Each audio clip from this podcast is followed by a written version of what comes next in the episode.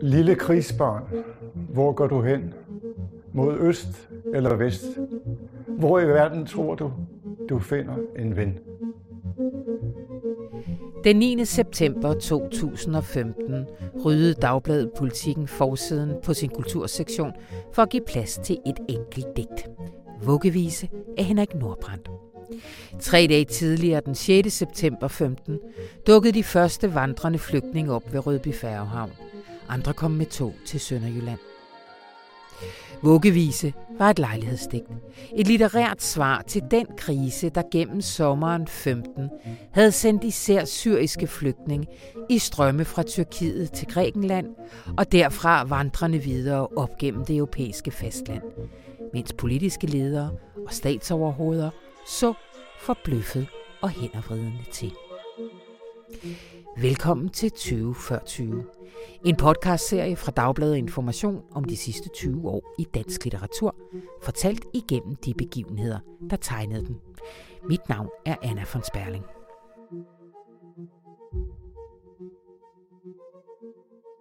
Velkommen til Tue Andersen Næksø. Tak. Året var 2015, Ja. og der var særlig én begivenhed. Lille i omfang, men smækket op på politikens forside. Ja, altså, der var jo en øh, flygtningekrise, som hvad skal man sige, vandrede gennem Europa, og, og ved sidste små skridt også noget til Danmark. Mm-hmm. Og øh, da det skete, så øh, trykte øh, politikken på forsiden af deres kultursektion et digt af Henrik Nordbrandt, øh, som hedder Lille krigsbarn. Mm-hmm. Øhm, og det digt gik øh, viralt. Det øh, blev delt tusindvis af gange. Fik masser og masser af kliks og likes. Og det endte sågar med, at Harald Børsting citerede det fra øh, talerstolen til Socialdemokratiets øh, kongres. Mhm. Og sådan noget. Så det, det, det spredte sig ligesom meget hurtigt og meget voldsomt i medierne, Mhm. det her digt. Og skal vi ikke lige høre Henrik Nordbrandt selv læse digtet op her på Politikens hjemmeside i 2015. Lille krigsbarn, hvor går du hen? Mod øst eller vest? Hvor i verden tror du, du finder en ven? Lille krigsbarn, hvad passer dig bedst? Et hullet tæppe? En krydsfinerskiste? En redningsvest? Lille krigsbarn, hvor vil du dø? Hvor bomberne falder? Eller i åben sø? Lille krigsbarn, hvor vil du hen? Væg selv. Bare vi ikke skal se dig igen. Digtet, hvad, hvad, hvad er det for et digt? Altså, det er jo, påstår jeg i hvert fald, det er jo en sonet. Ja. Altså, i den her, øh, øh, vi kan sige, det er et digt øh, i fire strofer, hvor de første to strofer har fire verslinjer, og de sidste to strofer har tre verslinjer. Og man kan også se på det, hvis man, øh, når man nu har hørt det, at det faktisk rimer Mm. øh, undervejs, sådan halvvejs. Der er nogle steder, hvor rimene er bi- bibeholdt, og nogle er ikke. Til gengæld så er metrummet, altså den metriske opbygning, den er ligesom forvitret eller sådan noget. Så derfor så kan man kalde det en sonet i ruiner. Og så er det jo et, et, på en måde et meget enkelt digt. Altså den her, det er jo en henvendelse. Øh, det er vi, viser det sig til sidst, der henvender sig til det lille krigsbarn Mm. og stiller en række spørgsmål til det her krigsbarn. Og så slutter jeg af med at sige, at øh, det må det her krigsbarn altså selv lægge råd med. Ja. Ikke? altså Ja. For, for at sige det som det er. Og, og d- d- der siger du, altså fordi da jeg hørte det første gang, eller læste, Mm. øh, der synes jeg, det var meget øh, næsten sådan pågående enkelt en til en på sådan en måde, som jeg næsten ikke rigtig kunne have at gøre med. Du skriver, det er meget enkelt, men det er dog i sin retoriske form Ja, kompliceret. Det er... det, altså noget af det, som er interessant ved digtet, det er, synes jeg, øhm, man kan spørge, hvad er et spørgsmål? Hvad vil det sige at stille et spørgsmål? Ja. Og et spørgsmål, det er jo noget, man stiller alle mulige steder. Ikke? Man stiller det til sine børn, det, man, man stiller det for at på- en måde at vise omsorg, eller for at vise respekt. Jeg vil respektere din, øh, hvad du vil. Jeg vil ikke øh, begå overgreb. Men det er jo også, det kan, spørgsmål kan jo også blive stillet øh, til en asylansøger, fordi man skal redegøre for dem, hvad de er. Så, så spørgsmål kan både stilles omsorgsfuldt, og de kan stilles øh, mere aggressivt, eller øh, ligesom i, i mere ubehagelige situationer. Mm. Men et spørgsmål implicerer altid, at man anerkender den, man spørger. Altså Ja. at man anerkender den her persons øh, fornuft som en, der er i stand til at tale. Ellers så giver det ikke nogen mening at stille spørgsmål. Det er derfor, det er så øh, kært og fjollet, synes man selv. Man synes selv, det er kært, andre synes, det er fjollet, når man snakker og stiller spørgsmål til sine kæledyr. For de kan jo ikke svare, vel? Altså, det giver jo ikke nogen mening. Mm. Øhm, men her kan man sige, det som Henrik Nordbrandt gør, det er, at han jo lad det her vi stille spørgsmål til krigsbarnet, men spørgsmålet bliver stillet udelukkende for, at viet kan ligesom frelægge sig et hvert ansvar for det krigsbarn, som Ja. de ser. Ikke? Og det gør man i den her meget, i virkeligheden ret kendte bevægelse, hvor man ligesom, hvis jeg bare siger, at du selv har ansvaret for din situation, og det gør man ved at spørge, hvad vil du? Mm. Vil du den Mm. vej eller den vej? Mm. Øh, hvor vil du dø hen? Vil du dø der eller der? Så når man har stillet de spørgsmål, så har man ligesom anerkendt, at det her det er et lille ansvarligt menneske, ja. og så må det jo selv tage ansvar for sin skæbne. Så er det ikke noget, vi skal tage på os. Ikke? Så på en måde, så anerkender det her, det krigsbarnet, for at underkende det igen, eller for at frelægge sig ansvaret, for at få lov til ikke at forholde sig til det, eller det er det, viet i digtet gør. Ja.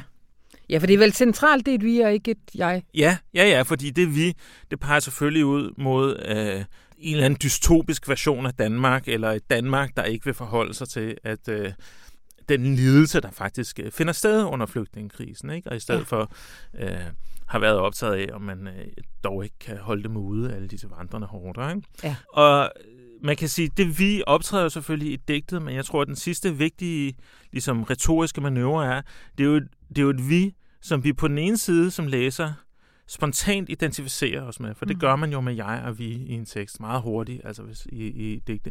Men på den anden side, så er det et vi, som man slet ikke har lyst til at være en del af. Ja.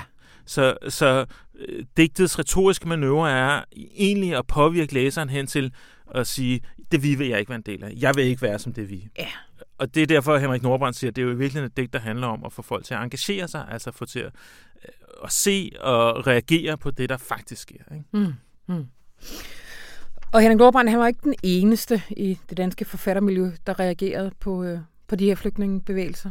Der har været en række forfattere, som har været ret Ja. aktive i forhold til øh, asylpolitik og flygtninge. Men det bliver lige så meget synligt Ja. i forbindelse med flygtningekrisen, og især i forbindelse med oprettelsen af venligboerne, som sker øh, et par måneder før, men virkelig tager fart lige omkring flygtningekrisen. Ja. Ikke? Øhm, En af dem, på venligboerne, er jo øhm, Annelise Marstrand Jørgensen, som Ja. øh, virkelig altså aktiv venligboerne, men også fortsat og Ja, og er og meget forhold aktiv i den offentlige debat, Ja, ikke? og præcis. har øh, skrevet en del om flygtningens vilkår, og, og især asylansøgers vilkår og afviste asylansøgers vilkår, og Ja, ja, lejrene. Sjælsmark og Ja. ja. hvad de hedder alle sammen. Øh, det er sjovt med hende, fordi jeg tænker, er hun en politisk forfatter, eller er hun en forfatter, der skriver bøger, og så også er aktivist? Eller, Altså, jeg vil jo sige, hun er jo et politisk menneske, ikke? Ja. Øhm, og hun er også forfatter, men hun er ikke en, der skriver politisk litteratur nødvendigvis. Altså, hvis man ser på hendes bøger, så er det jo store, øh, store historiske romaner, ikke? Øh, typisk. Og det er jo ikke fordi, de ikke på en eller anden måde i baggrunden kan ligesom indeholde nogle budskaber om tolerance mm, eller, mm, eller sådan noget. Men, men den der form for litteratur, hvor man ligesom direkte kommenterer på konkrete historiske uretfærdigheder i sin samtid, eller ja. historiske begivenheder i samtid, det, det skriver hun ikke. Så hos hende er det som om, gætter jeg på, at der er en eller anden form for skæld imellem, hvad gør man som politisk menneske, og hvad Ja. skriver man som forfatter. Ikke?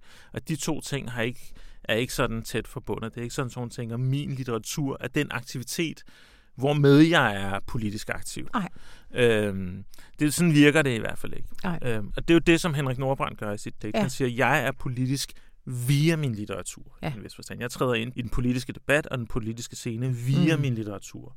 Og det er det, der er faktisk relativt sjældent ja. og, og, og usædvanligt, og på en måde nyt omkring men, men jeg sidder og tænker, hvad sker der egentlig på, med den kontekst, som en tekst er i? Fordi når den kommer på forsiden af politikken, er den Ja. så ikke et lækkert skrevet debatindlæg? Eller, Altså, han kalder, Nordbrandt kalder den selv for propaganda for den gode sag. Siger han, ikke? ja. øh, let's be real. Ja, ikke? Øh, altså, jeg kan ikke se, hvad der er galt med, at det er ligesom et, at litteraturen eller den litterære skrift også er et debatindlæg. Nej. Skrift kan være jo fantastisk på mange forskellige måder, og litteratur kan være god på mange forskellige måder. Så jeg kan ikke se, Nej. det bliver sagt tit som om, at det er noget, der er på en måde diskvalificerende for, for, for den litterære tekst, at den øh, også prøver at engagere sig i, i, i den tid, den befinder sig i. Det, mente det jeg synes jeg er en meget øh, Ja. snæver idé om, Ja. hvad litteratur kan Jamen, det var egentlig overhovedet ikke det, jeg mente Ja. ja. med det. Jeg mente bare, øh, ligesom Annelise Marstrand Jørgensen skriver sine historiske bøger Ja. ja. og laver noget aktivitet ved siden af, så så vi jo ikke en digtsamling komme fra Henrik Nordbrandt, der hed Nej. Krigsbarn. Nej, der skal man måske også have med, at, at Nordbrandt jo har skrevet sådan nogle rimeligt polemiske digte i sine digtsamlinger op gennem tierne, og de har stået, ikke som en helt digtsamling om det, men de har stået i det, han har skrevet en digtsamling, der hedder Vi Danskere, for eksempel, ja. som kom i 10 eller sådan noget. Øhm, og også i, hin, i hans seneste digtsamlinger, øh, hvor lille, den seneste digtsamling, hvor Lille Krigsbarn er optrykt, men også nogle andre. Og det, han har ligesom udviklet en, øh, en måde at skrive på, Ja. hvor tit er digtene først trykt i, i, som lejlighedsdigte, og så bliver de så opsamlet i, i uh, digtsamlinger, men, men hvor han har den her meget, meget hårdt slående polemiske tone Ja. ikke? Og også med den her sådan ætsende sarkasme over for, for et vi, som, bliver, øh, som taler, eller du, som bliver tiltalt. Ikke? Han skrev et digt, som ligesom var fejringen af EU. Der, der var en eller anden gang, hvor de så havde besluttet, at alle lande skulle ligesom sende et digt, der skulle læses op, Ah, og hans ja. digt, det startede med, jeg er dumheden, øh, og virkelig var efter øh, EU's byråkrater. Så han ja. Ja. kan skrive på sådan en vrede, ja. Ja. som, som øh, ikke er hans sådan dominerende måde at skrive på, men som findes som et underspor i hele i hans forfatterskab de sidste 10 år eller sådan noget. Øh, men der er også nogle andre navne nu. Altså, øh, blandt andet nævner du Kirsten Thorup og øh, Christina Stolz og Ja. Peter Clemen Vogtmann. Ja. Kan du ikke lige fortælle lidt Jo, om det? altså Peter Klim Wohlmann er jo sådan en yngre forfatter, som egentlig øh, debuterede meget, meget ung øh, i midten af nullerne, som sådan en, øh, med sådan nogle digte, der på en måde handlede om, at det skulle fedt at være smuk, og pigerne flokkes omkring mig og sådan noget. Så meget fine, charmerende digte, ikke? Men som op gennem tierne sådan har arbejdet sig hen imod en interesse for at skrive om øh, den danske krigsførsel i Afghanistan og Irak. Han har været med til at lave nogle meget øh, nogle tekster til de her øh, balletter, som det kongelige teater lavede, hvor veteraner, som er blevet invalideret under øh, i krigene i, i Afghanistan og Irak, øh, ligesom dansede med på scenen, og han har lavet en række teaterstykker, om, som også handler om øh, ligesom PTSD og følgerne af Irakkrigen. Og nu så i 2017, så udkom han med en digtsamling, øh, der hed Bag bakkerne kysten, som en utrolig smuk og sørgelig digtsamling, eller sådan øh, en elegi nærmest, altså sådan en klagesang, Mm-hmm. som grundlæggende består af en række verslinjer, hvor der enten står, jeg er, eller jeg er ikke. Og det, som jeg er, det er øh, blå øjne, lyst hår, som der står. Og jeg er bag bakkerne og kysten og sådan noget. Og det, jeg ikke er, er på Middelhavet. Er Ja. i en øh, øh, metalcontainer. Er øh, en, der siger farvel til sit hjemland. Så det bliver sådan en, Mm. et, et digt, som ikke i sådan meget smukt, meget lyrisk, laver sådan en kontrast mellem øh, det jeg, som man er, og det jeg, som man ikke er. På en måde meget sådan aftegner den forskel, som der ligger som den grundlæggende øh, ulighed eller smertelighed, der ligger bag øh, Mm. flygtningekrisen. Er det et andet projekt, end, end dem, vi tidligere har talt om? Det skriver i hvert fald ud fra nogle andre øh, mulighedsbetingelser. Ja. Altså, det står jo ikke på forsiden af politik. Nej. Det kan ikke have den form for gennemslagskraft i offentligheden.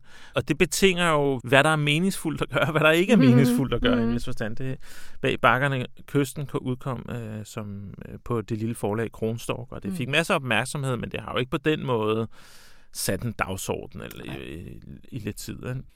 Men det er jo klart, eller for mig at se, så, så deler det den ambition, som Nordbrand også har, at sige, der findes den her lidelse ude i verden. Ikke? Det er ikke min lidelse, det er ikke din lidelse, men den er der ude i verden. Øh, digtets opgave er på en måde at gøre det fænomen nærværende for dig som læser, og, og stille det foran dig som læser, så du bliver nødt til at forholde dig til det. Mm. Og måske også reagere på det. Og måske at reagere på det bare og, og, og blive så modig, eller huske Mm. på det senere, eller sådan noget. Men, men det her med øh, litteraturen som noget, der peger på uretfærdigheder Mm. eller uligheder i samtiden, det deler de to øh, tekster. Ja. Som jeg sagde indledningsvis, så øh, åbner 2015 også for nogle nye brudflader i dansk litteratur. Ja. Og øh, du, du er lidt inde på det nu, at her er der noget med at pege på nogle øh, uretfærdigheder i sin ja. samtid. Men, men brudfladen handler om, er det, er det det, litteratur skal, eller, eller skal de ja. pege på noget mere mudret? Ja, altså det litteratursyn, som jeg læser frem hos Nordbrandt og Peter Klon, Clement Wohlmann, så forskellige som deres digte end er, ja. det er et, som ligesom dukker op igen øh, i sådan en af de store polemikker, der har været i i anden halvdel af, af 10'erne i dansk litteratur. Øh, den, der ligesom stillede Christina Hagen og Astrid Olivia Nordenhoff mm. op over for hinanden i, i foråret 2017. For Bare, folk, der ikke er med. Ja, Hurtig bio ja. på de to. Bare lige for, ja, altså Astrid Olivia Nordenhoff er jo øh, forfatter, digter. Hun har skrevet en af 10'ernes vigtigste digtsamlinger, i hvert fald i mine øjne, øh, den der hedder Det Nemmere Det Ensomme og er, var på det her tidspunkt, jeg ved ikke, om hun stadigvæk er det, øh, lærer på forfatterskolen. Mm. Og Christina Hagen øh, er også en rigtig vigtig forfatter fra 10'erne, så hun debuterede i 2008 med bogen Sexdronning, men ligesom fik sådan øh, for alvor sit gennembrud, kan man sige, med digt eller tekstsamlingen White Girl, og så lavede hun sådan nogle ret vilde konceptuelle bøger, der hed Boyfriend og Jungle og og har også skrevet sådan en øh, korrekthedsbiblen af mm. hendes seneste bog, som er sådan håndskrevet om alle de regler, man skal gøre for at være korrekt. Og er og har også fået en masse anerkendelse for ja. dem, og øh, vundet Montana. De har faktisk begge to vundet Montanas litteraturpris. Interessant nok, så udkommer de begge to på det samme lille bitte, ekstremt prestigiøse forlag, nemlig Basilisk. Øhm, så de er altså to vigtige stemmer, kan man sige, i, i tiernes øh, danske litteratur. Og de er også to stemmer, som viste sig måske meget øh, på en måde, som ikke helt havde været klart før, havde radikalt forskellige litterære projekter. Ja. Selve kontroversen begyndte egentlig med et interview her i Information, hvor øh, Christina Hagen i anledning af, at, at øh, hendes øh, bog Jungle udkom, så lavede en interview, og hendes pointe var egentlig, at hun skrev om mudderet i vores indre, og hun modsatte sig folk, der ligesom prøvede at lade som om, at mennesker var bedre, end de var. Ikke? Øh, og vi havde alle sammen racistiske tanker, vi har alle sammen, du ved, ukorrekte tanker ja. og ukorrekte følelser. Øhm, vi går rundt og ligesom i civilisationen eller i kulturen og prøver at lade, som om vi ikke har det, men det har vi altså i virkeligheden. Og hun så litteraturens opgave i virkeligheden som en form for udkrængning af det og ligesom fremvisning af det. Mm. Øhm, og, og brugte sig selv som eksempel, men samtidig brugte hun sig selv som en, der spillede roller for at vise det. Så noget af det, som gør den her debat svær at navigere i, det er, at man ved aldrig helt, hvornår Christina Hagen faktisk står inden for det, hun siger. Altså, der er hele tiden sådan et vis grad af iscenesættelse, også i hendes offentlige interviews, har man på fornemmelsen. Ikke? Nå, men i, I det interview nævner Christina Hagen Asta Olivia Nordenhoff som et forbillede for, hvordan litteratur kan være ærlig. Mm. Men det viser sig, at Astrid Olivia Nordenhoff opfattede sin ærlighed på en meget anden måde, end Christina Hagen gjorde. Og at hun faktisk var meget uenig, kan man sige, i, i mange af de ting, Christina Hagen sagde i det interview. Og det skrev hun så på Facebook øh, på en meget, meget klar måde, ikke? hvor hun virkelig lagde afstand til det her interview, øh, og hvor hun sagde, racisme øh, og chauvinisme er, handler ikke om små beskidte tanker, vi har. Det er strukturer ude i verden, som vi skal bekæmpe. Så hun skrev ligesom under på den her idé om, at der findes noget i verden, og det vi gør som forfattere, det er altså, at vi arbejder på at bekæmpe det, blandt andet gennem vores litteratur. Og det blev der så en voldsom polemik ud af, øh, og som altid i de her polemikker, der vandrer fra de sociale medier ind i aviserne, mm. så er der, det er jo noget meget rodet, meget uklart, meget, meget hurtigt personfixeret. Men faktisk vil jeg sige, fordi Christina Hagen holdt hovedet, jeg ved ikke om hun holdt, faktisk holdt hovedet koldt, men på skrift holdt hovedet koldt i den her debat, og skrev, synes jeg, et utroligt godt og klart indlæg, hvor hun i stedet for at gøre, gøre det her til et spørgsmål om, øh, det er også for dårligt, jeg føler mig, du ved, jeg føler mig dårligt behandlet, eller sådan noget. Det, så skrev hun et indlæg, hvor hun redegjorde for sit litteratursyn i Information øh, 1. april 2017. Og hvor hun meget klart sagde, min opgave som forfatter er holde et spejl op for læseren, så, så hende, hun opfattede litteratur som et sted, hvor vi så det, vi ellers ikke ville vedkende os ved os selv.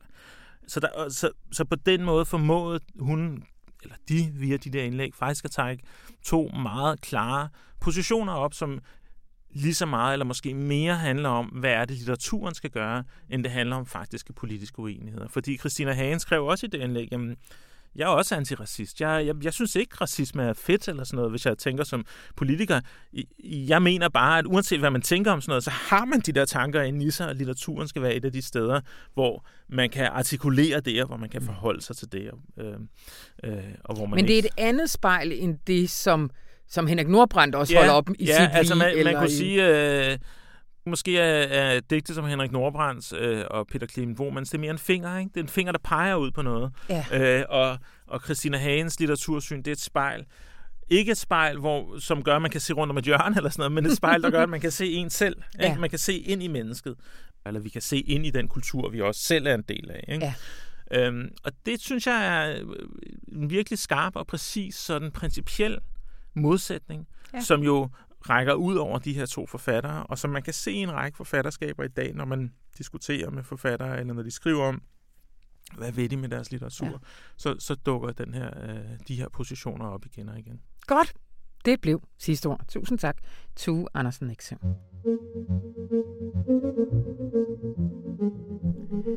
Det var 20 før 20 for denne gang. Lyt endelig med næste gang. Og læs også med, fordi Informationsforlag har udgivet en bog af samme navn, hvor de tre anmeldere går meget mere i dybden, end vi kan nå her.